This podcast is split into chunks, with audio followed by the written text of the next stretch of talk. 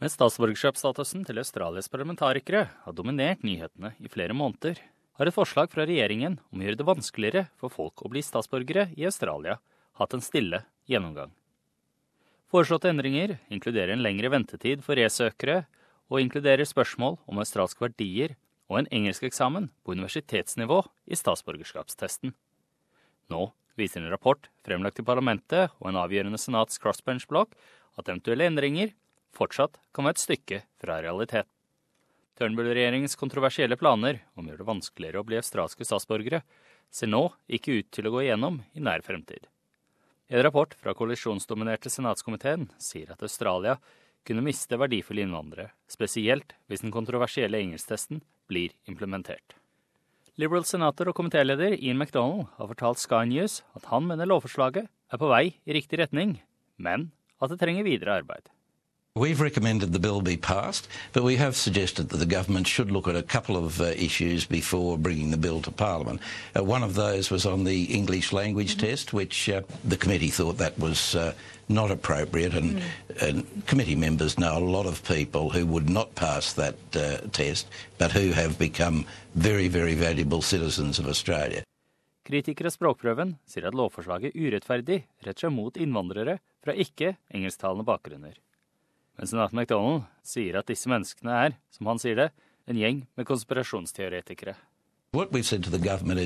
This is good, needs to be done. This is what the Australian people want. There, there are a lot of uh, conspiracy theories about this being aimed at particular groups, uh, uh, which, which I reject completely. And these uh, conspiracy theories that some of the left left wing mm. were raising are just, uh, you know, their own conspiracy uh, projects being put into overdrive. Team Nick Xenophon har bestemt at de vil bruke sine tre stemmer sammen med Labour og The Greens for å blokkere forslaget i Senatet. Denne avgjørelsen kommer etter at de har hørt fra ulike innvandrerrepresentanter fra hele landet. Partiets nestleder, Sterling Griff, har fortalt SBS at partiet ikke kan godta pakken slik som den er presentert. It being such a multicultural nation built on migration, uh, would, would agree or support with uh, such a regressive move because it would effectively mean that half of us wouldn't be here now if our parents, grandparents, or great grandparents had to uh, you know, pass the, the equivalent tests. Mens Nick Xenophon Team ikke helt utelukker lovforslaget, sier han at de vil ha engelsktesten mindre restriktiv, og at verditesten skal bli bestemt av parlamentet, ikke ministeren.